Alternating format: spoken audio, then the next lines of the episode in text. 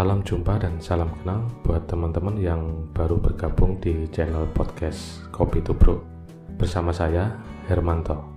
Salam Kopi Nusantara.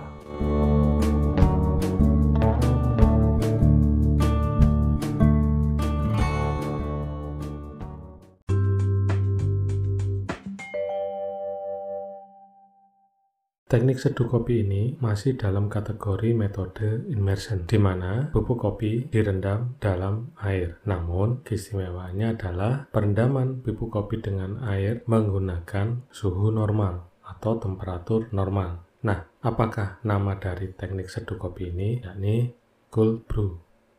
Teman-teman, selamat datang dan salam jumpa bersama saya Hermanto di channel podcast Kopi Tubruk. Di episode kali ini, saya akan ngobrol tentang awal mula terciptanya cold brew dan apa saja keistimewaan dari Nick Seduh menggunakan teknik cold brew ini. Nah, teman-teman, sejarah dari cold brew ini memang sudah sangat lama, di mana pada tahun 1600 sudah digunakan oleh para saudagar yang sedang melakukan perjalanan jauh. Bahkan para militer menggunakan kopi ini atau konsentrat kopi dingin ini untuk dikonsumsi baik di Inggris, Prancis maupun di Amerika pada abad ke-19 hingga cold brew ini sangat dipopulerkan di negara Jepang. Pada menu kopi dingin ini mulai dikomersialkan pada tahun 1990-an di beberapa kedai kopi di Amerika dan dinamakan dengan cold brew. Nah, popularitasnya mengalami peningkatan terutama di kalangan anak muda. Cold brew sama dengan kopi tubruk maupun espresso, karena pada dasarnya adalah kopi hitam biasa.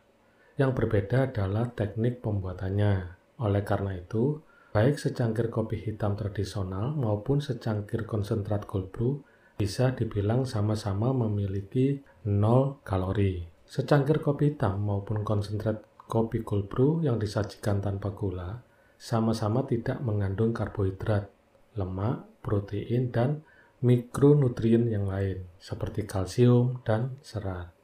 Nilai gizi dari semuanya akan berubah bila ditambahkan perasa ataupun pemanis.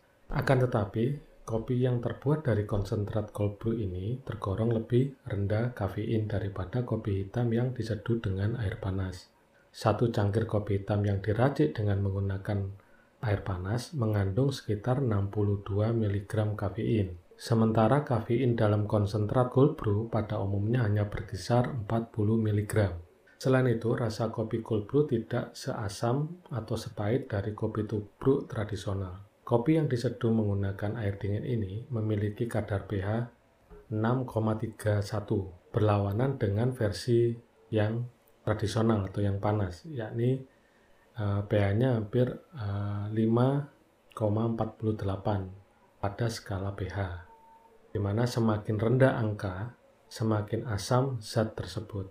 Ini berarti kopi cold brew bisa menjadikan pilihan yang lebih aman untuk memuaskan keinginan ngopi bagi para teman-teman yang sensitif terhadap kafein atau punya masalah pencernaan seperti MA atau reflux asam lambung. Selain itu, makanan atau minuman yang rendah asam telah dikaitkan dengan beragam manfaat kesehatan, seperti mendukung kesehatan tulang, mengurangi hilangnya massa otot, menjaga kesehatan jantung dan memori, hingga mengurangi tingkat keparahan atau kejadian hipertensi dan stroke. Dan itu sempat muncul di sebuah artikel di Journal of Environmental and Public Health.